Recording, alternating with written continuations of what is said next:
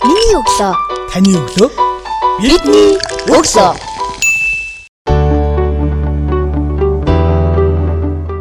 Сонсогчтанд шинэ 7 хоногийн өглөөний мэндийг хүргэе. Миний өглөө сурал подкаст шинэхэн дугаараа танд хүргэж байна. Ирээдүйн Нобелийн шагналтныг төрүүлэх зорилготой гэртээ туршээ төслийн зохицуулагч Дорж Антай ярилцж байна. Танд шинэ 7 хоногийн өглөөний мэндийг хүргэе. За сайн байцгаана уу та бүхэнд ч гэсэн энэ өглөөний мэндийг хүргэе. За таны өглөө хэрхэн яаж эхэлдэг вэ? За миний өглөө чи ер нь бол ус уухаас эхэлдэг. Тэ.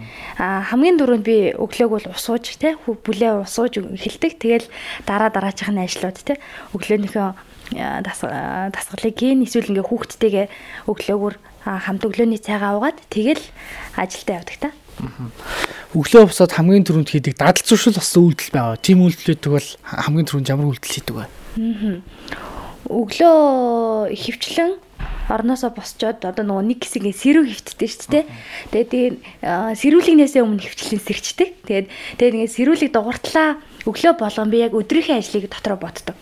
Яг өнөөдөр чинь миний хамгийн чухал ажил юу вэ? Аа аль алийг нь төрүүлж хийх үү? Аль алийг нь дараа нь хийх үү?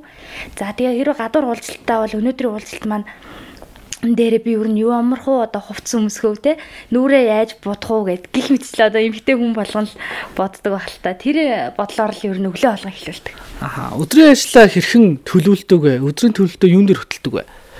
Би тэмдэглэлийн дэвтэр дээрээ хөтэлдэг. Аа өглөөнийхөө ажлуудыг бол мэдээж өглөөнөө ботчоод эсвэл 7 хоног мангоор нь ботсон байдаг. Тэмдэглэлийн дэвтэр бол миний хамгийн дотны одоо найз. Яг одоо төвлөрч хийж байгаа ажилласаа бидэнд хуваалцвал ямар ажил дээр төвлөрч ажиллаж байгаа вэ? Ааха. Аа одоо хийж байгаа ажил нь болохоор хүүхдэд одоо шинжилгээ ухааны мэдлэг олгох, ирээдүйн одоо инженер, судлаач, эрдэмтэн болгоход чиглэсэн гой гой хөтөлбөрүүд дээр ажиллаж байна. Аа үүний нэг нь бол манай гэртээ туршигээд шинжилгээ ухааны хөтөлбөр байгаа.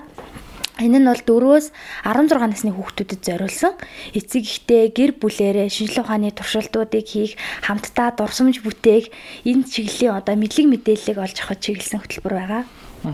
За энэ хөтөлбөрийн талаар бас нэг мэдээллийг олж уншиж байхад бол э, хүүхэд багчуудын дунд уралдаан зарласан байсан 11 сарын 16 хүртэл нээлттэй өглөөг хүлээж авч байгаа гэсэн зарыг би сонссон л та. Тэгэхээр яг энэ уралдаанд орж байгаа ирээдүйн эрдэмтэн судлаачлах байгаа. За мөн дэлхийд тэр өвлөхөөс Монгол эрдэмтнийг төрүүлэх зорилготой ирээдүйн Нобелийн шагналтанд Монголоос тодрох бас том амбицтай ийм хөтөлбөрийг хараад олзоор хүчээлээ. Тэгэхээр энэхүү уралдааныхаа талаараас дэлгэрэнгүй мэдээллийг сонсогч өгч хүүхэд багчуудаа өргөвөл. Аа манайх бол science fair буюу шинжилгээ ухааны бүтээлийн уралдаанд анзаарласан байгаа. Энэ уралдаан нь болохоор хүүхдийн одоо шинжилгээ ухааны мэдлэг чадварыг хөгжүүлэх, дээрэс нь энэ чиглэлийг одоо сонирхож хийж байгаа хүүхдүүдийн одоо хүүхдүүдийг нийгэмд таниулах, сурталчлах, тэгээ гэр бүлэрээ хамтдаа хийсэн бүтээлээ манад ирүүлснээр тэрийг шагнаж урамшуулах. Ингэснээр хүүхэд урам авч дараа дараачийн одоо алхмуудыг хийхэд бид нэр төхөн болно гэж харж байгаа юм. Тэгээ бүтээлийн уралдаан бол 2022 оны 11 дугаар сарын 19 6-ны хүртэл 16-ны өдөр хүртэл манай дээр цахим байдлаар бүртгүүлээд 11 сарын 19-ны өдөр бид нэр бүтээлийн үзэсгэлэн болж байгаа. За энэ үзэсгэлэн дээр хүүхдүүд уралдаанд шалгарсан бүтээлүүд маань нэрж ингээд танилцуулахаас гадна гэр бүлэрээ эцэг эхчүүдтэй шинжилгээ ухаан сонирхдаг хэн бүхэн ирж тэдгээрийг үзэх сонирхох боломжийг нээж өгч байгаа. За бүтээл тавигдах шаардлага стандартууд юу юу байна? Ааха. Бүтээл болохоор ингэж байгаа. Яг шинжилгээ ухааны онол одоо ухагтхууныг шингээсэн дээрэс нь тэр ухагтхуунаа ашиглаад өөрийн гараар нүдэнд харагдах үйс гард баригдах үйс тийм бүтээлийг хэлнэ. А энэ хийж байгаа бүтээл нь хин нэгний одоо санааг хулбарлсан эсвэл шууд ингээд өөрийн шинэ бүтээл гэж бол өөрийнхөө одоо хийсэн юм аа бол үзгүй байж болно. А гэхдээ тэрийг хаанаа санаа авсан те би энийг үзээд өөрийн болгож ингэж эзэмшлээ. А эсвэл би ингээд зургатаар гарч байгаа амиг би өөрийн бүтээл болгож ингэж тавилаа гэдэг л онол ухтгуунаа хийчихэд болох юм. Тэрнээс биш заалжгүй одоо шинэ бүтээл хий те. Заавал оюуны өмчөөр баталгаажсан бай гэдэг шаардлага бол тавихгүй. Хамгийн чухал нь хүүхэд өөрийн одоо мэдлэг чадвар, ур чадварыг нэзэмшээд тэр шинжилгээ ухааны ухтууныг ойлгоод тэгээд хийж байгаа л бол бүтээл болно гэсэн. Тэгэхээр яг уралдааны хувьд яг нас насны тодорхой код заасан байгаа юу? Тий. А насны хувьд болохоор 4-өөс Зүгээр зөв мантайлж байгаа юм. А насны хувьд болохоор 5-аас 8 дугаар ангийн сурагчид буюу 10-аас 14 насны хүүхдүүд гэж заасан байгаа. Тэгээд уралдааныг шүүхтэй бол 5 дугаар ангиудын дунд тэргүүн байр, 6 дугаар ангиудын дунд, 7 дугаар ангиудад, 8 дугаар ангиудын дунд гэх тэргүүн байр болгоныг нь шалгаруулад тэгээд 10 сая төгрөгийн шагналын сантай уралдаан байгаа. Тэгэхээр э, тэр шалгарсан бүтээл болгонд нь 2 сая төгрөгийн урамшуулалтай гэж ойлгож байна. А яг мөнгөн хэлбэрээр олохгүй эсвэл тэр нь таарсан хүүхдийн ирээдүйн шинжилгээ ухаанд нь одоо шинжилгээ ухааны мэдлэг олоход нь хувь нэмэр оруулах зүйл яах вэ гэдгийг одоохоор бид нар бол ярилцж байгаа. Аа.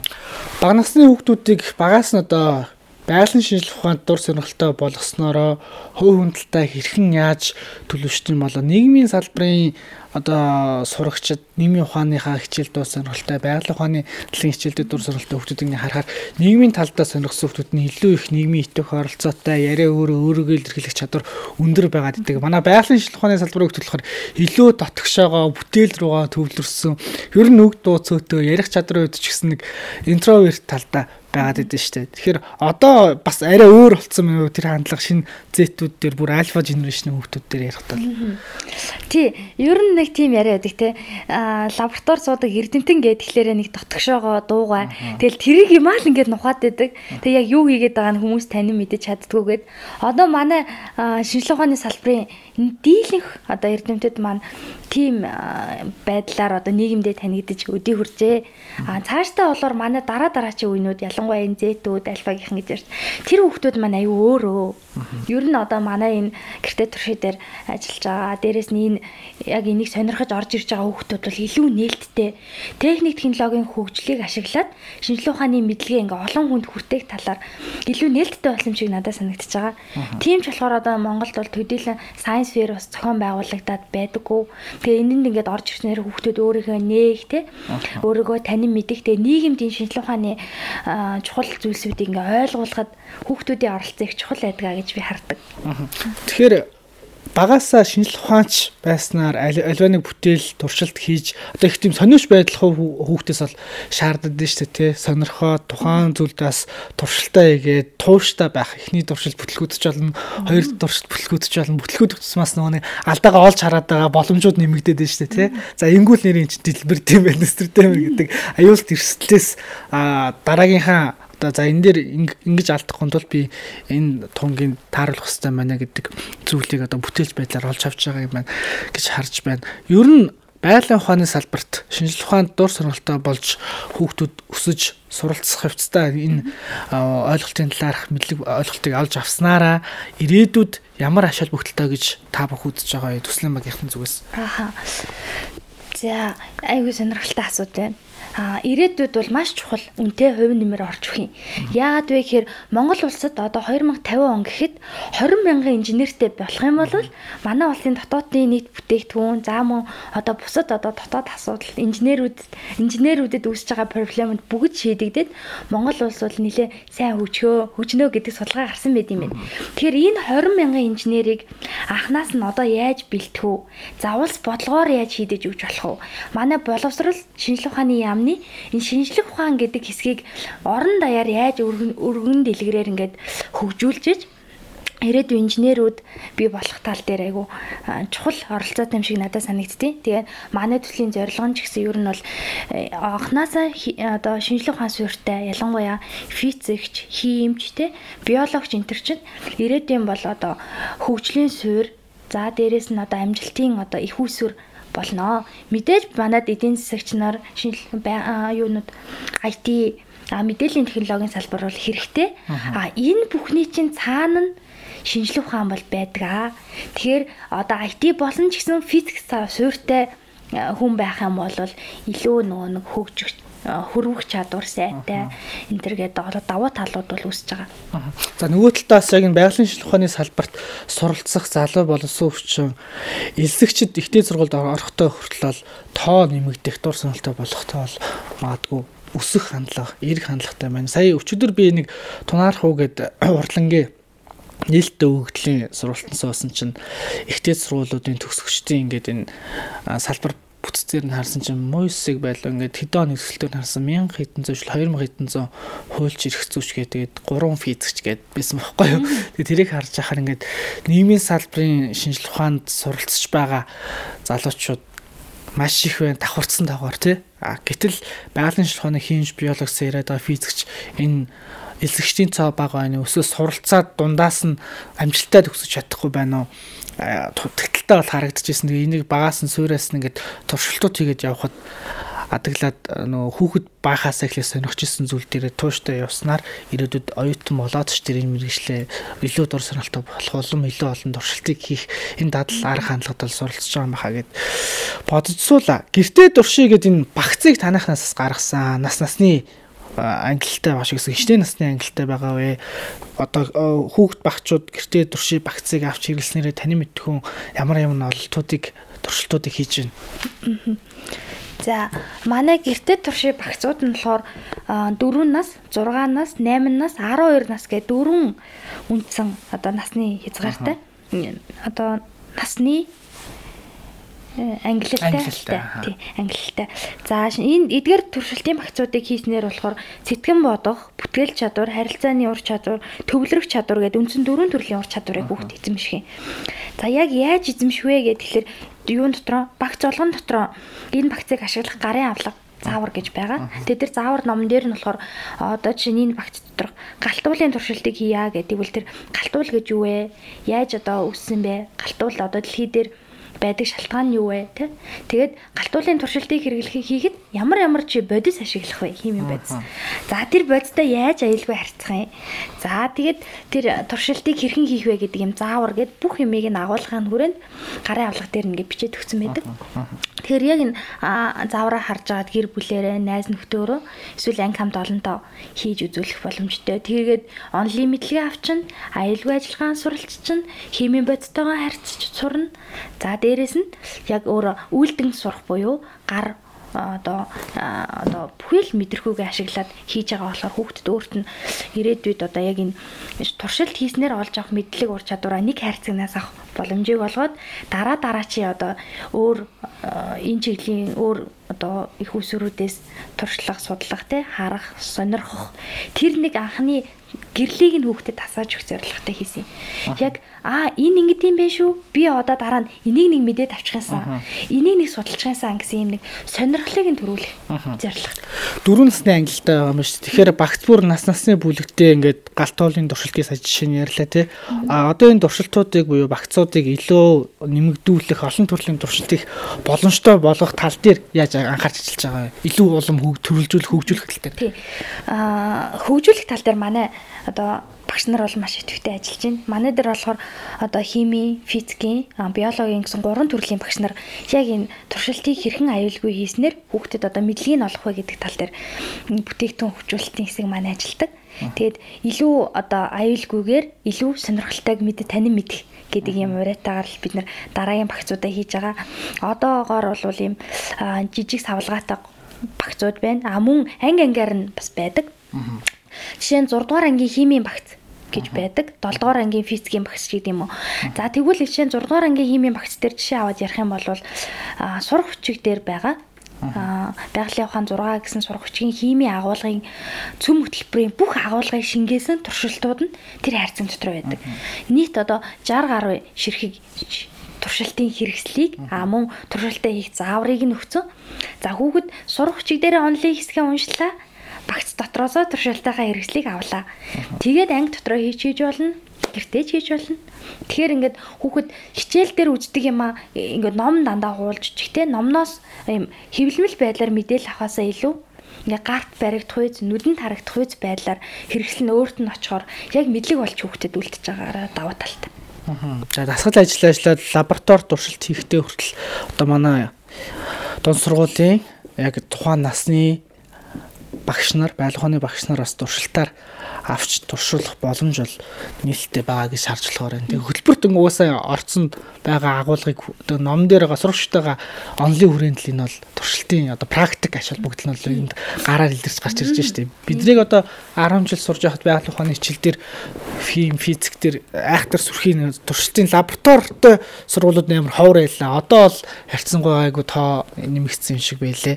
Тэгээ бүр ингээд гар доорх материал ашиглаад ингээд нас насны одоо бүлэг хүүс тхүү онцлогтон тааруулаад олон төрлийн багц туршилтуудыг санал болгож байгаа нь улам нөгөө хүүхдүүд маань өөрөө биеэр үзэж нөгөө мянга сонсохоор нэг үүс гэдэг шиг те туршаад одоо тухайн бүтээлийг хийхдээ ямар байсан тэр дурсамжууд сайнтай мото бүх дурсамжууд нь үлддэг учраас илүү ололттой тэгээд хийгээд үдцсэн болохоор дараагийн туршилт руугаа ороход ихтгэл өмжилтөд орох юм хаалга бол үд хаалга нийтэх байхаа. Ялангуяа нөгөө таны мэдгүй чинь гайхаас эхлэн гэдэг шиг. Одоо тэгэл гайх чинь тий гайхаад дараа нь тэгээд туршаад үр дүндээ хүрээд илүү дахиад олон шинжлэх ухааны нээлт бүтээлүүдийг хийх дур сонирхлох хүсэл эрмэлзэл нь бадраах байхаа гэж харж байна. Одоо цаашдаа ерөнхийдөө энэ танаа гэртээ туршээ төслийн нэгжийн зүгээс байгалийн ухааны салбартаа шинжлэх ухаанчлыг төрүүлэхийн тулд өөр ямар ямар ажлуудыг ихээр төлөвлөн ажиллаж байгаа. Энэ бол гэртээ туршээ гэдэг энэ багцоол зөвхөн нэг ажил гэж харж байна. Тэгээ бас энэ уралдаан түүний хөгжүүлэлт Тэглгүй яг уу манай зүгээс болохоор одоо сургууль эцэг их хүүхэд За нийгэм комьюнитигүүд ингэж нөгөө шинжилгээ ухаанд дурлуулах зорилгоор л үйл ажиллагаа маань явагдаж байгаа. Үүний хүрээнд болохоор бид нар хамгийн чухал нэг ажил бол шинжилгээ ухааны бүтээлийн уралдаан буюу одоо бидний хийж байгаа Science Fair уралдаан байгаа. Мөн цааслаад бид нар шинжилгээ ухааны подкаст өсвөр насны хүүхдүүдэд зориулсан одоо зөвхөн одоо энэ Монголд л байдаг эрдэмтэд судлаачтай бол мундаг. А гэхдээ эдгээрээс одоо давсан тийм бас гадаад улсуудад ч гэсэн одоо яг энэ судалгаагаа хийж байгаа Монгол эрдэмтэд эсвэл гадаадын мэрэгчлэлтэнгүүдийг ингээд уурж оруулах подкаст цуврал нэвтрүүлэг хийж байна. За мөн цаашлаад бид нар шинжлэх ухаанч зуны туслан буюу хүүхд зуны амралтаараа. Аа яг юм байгаль дээр шинжлэх ухааны олон төрлийн туршилтуудыг магадгүй манахтай хөтөлбөрт маань жишээ нь юм том фужин хийгээд цуслан дээр тэгээд тэр пуужингаа хөргөө хөөргөж үзэх юм туршилттай ч байд юм уу эсвэл маш том юм усан сан хийгээд усан дээгүр хүүхд гүйж болох ч юм уу. Гих мэдчлээ ингээ бүр хүүхдийг алмаар уулж гайхшруулахаар юм гоё зуны хөтөлбөрөөр бид нар бэлдээд ажиллаж байгаа. А энэ бол яг өсвөр насныхан зориулсан. За 16-аас 18 насны хүүхдүүд маань хүүхдүүдтэй бид нэр ийм лаборатори буюу science center нэгээр цаашдаа төлөвлөж байгаа. Энэ нь л хүүхдүүд одоо гэртээ хийх боломжгүй хоортой аюултай яг лабораторийн нөхцөлд багшийн удирдлаганд ор хийж болох тийм сонирхолтой туршилтуудыг лаборатори дээр хийгээд манай төв дээр тэгээд анги хамт олноороо хийж болно, гэр бүлэрээ ирээд хийж болно. Тийм юунууд төвөө бид нар бас цаашдаа хийхээр ажиллаж байна. Аа бас нэг сонирхолтой зүйл нь гэвэл бид нар сүүлд Ариг Аня гэдэг бидний сайн мэддэг ресторан байдаг. Тэгэхээр тэр ресторанд бол хүүхдэд зориулсан шинжилгээ ухааны өдрлөг үйл ажиллагаа хийсэн. Тэгээд тэнд болохоор ингээд анги хамт олноороо а эсвэл ингээд байгуулгын хүүхдүүд нь бүгдээрээ цуг нэг өдрийг хамтдаа эцэг ихтэйгээ дурсамж дүүрэн шинжилгээ ухааны туршилт үзээд өөрийн гараар хийгээд тэг өдрийг өнгөрүүлж байгаа. Энэ нь болохоор байгууллага талаасаа нийгмийн хариуцлагын өрөөнд хүүхдүүдийг дэмжиж байгаа аюу тум одоо хөрөнгө оруулалт, оюуны хөрөнгө оруулалт бас гоё дурсамж А манай зүгээс бол сонирхолтой туршилтыг үзүүлнэ. За мөн дээрээс нь туршилтын багцуудаа одоо хамтарч хийн. Эцэг эхчүүдийн хувьд л хүүхдтэй энийг өдрийг дурсамж дүүрэн өнгөрүүлэх гээд ийм олон талын ач холбогдолтой хөтөлбөрүүдийг бид нар хийж байгаа. Тэгээ цаашдаа ч гэсэн өөр өөр гой санаа тий яг энэ шинжлэх ухаан сонирхчид Улаанбаатар хотод байгаа одоо үйл ажиллагаа явуулдаг байгууллагууд байгаа шүү Тэгэхээр нийслэлийн хэмжээнд үйл ажиллагаа явуулдаг бүх байгууллагууд нь нэгдээд нэг community үүсгээд илүү олуулаа, илүү ингээд өргөн хүрээнд ингэж энэ талын мэдлэг мэдээллийг олон нийтэд хүргэх чиглэлээр хамтран ажилласаа гэж би дотроо дандаа хүсэж явдаг. Хоёулаа ярин дундаа нэлийн шинжлэх ухаанч, эрдэмтэн судлаач, байгалийн ухаан гэл химч, физикч, биологч гэл ярьлаа. Тэгэхээр яг энэ шинжлэх ухаанч хүний одоо дор чандын үед өөрөө бас байгаль ухааны салбарт одоо зүтгэж яваа лабораторид бас ажилдаг туршилтууд судалгааны ажлыг бол хийдэг эрдэмтэн хүн шүү дээ. Тэгэхээр эрдэмтэн судлаач хүний хувьд бас энэ таны ажлын арга барил бусдаас ялгарх онцлогны юм бол энэ шинжлэх ухаанч хүмүүсийн бусад салбарын хүмүүсээс ялгарх онцлог давуу талууд нь юу байдаг юм бол? Би өөрөө болохоор Монгол их сургуулийн химийн ангийг төгссөн. Химч, хим технологич мэрэгчлээ. Тэгээд дараа нь болохоор яг энэ шинжлэх химийн чиглэлээр шинжлэх ухааны магистрийн зэрэг хамгаалсан. Тэгээд ингээ хараад хар манай шинжлэх ухааныхын чинь олон олон давуу талтай. Тэгээд бусад салбарт маань давуу тал байхгүй гэж хэлж байгаа биш л дээ. Ялал давуу талтай. Бүх бүх л мэрэгжил бүх зүйл сайхан. Би бол тэгж боддог. Ямар ч мэрэгжил эзэмшин мэрэгжил бүхэн сайхан.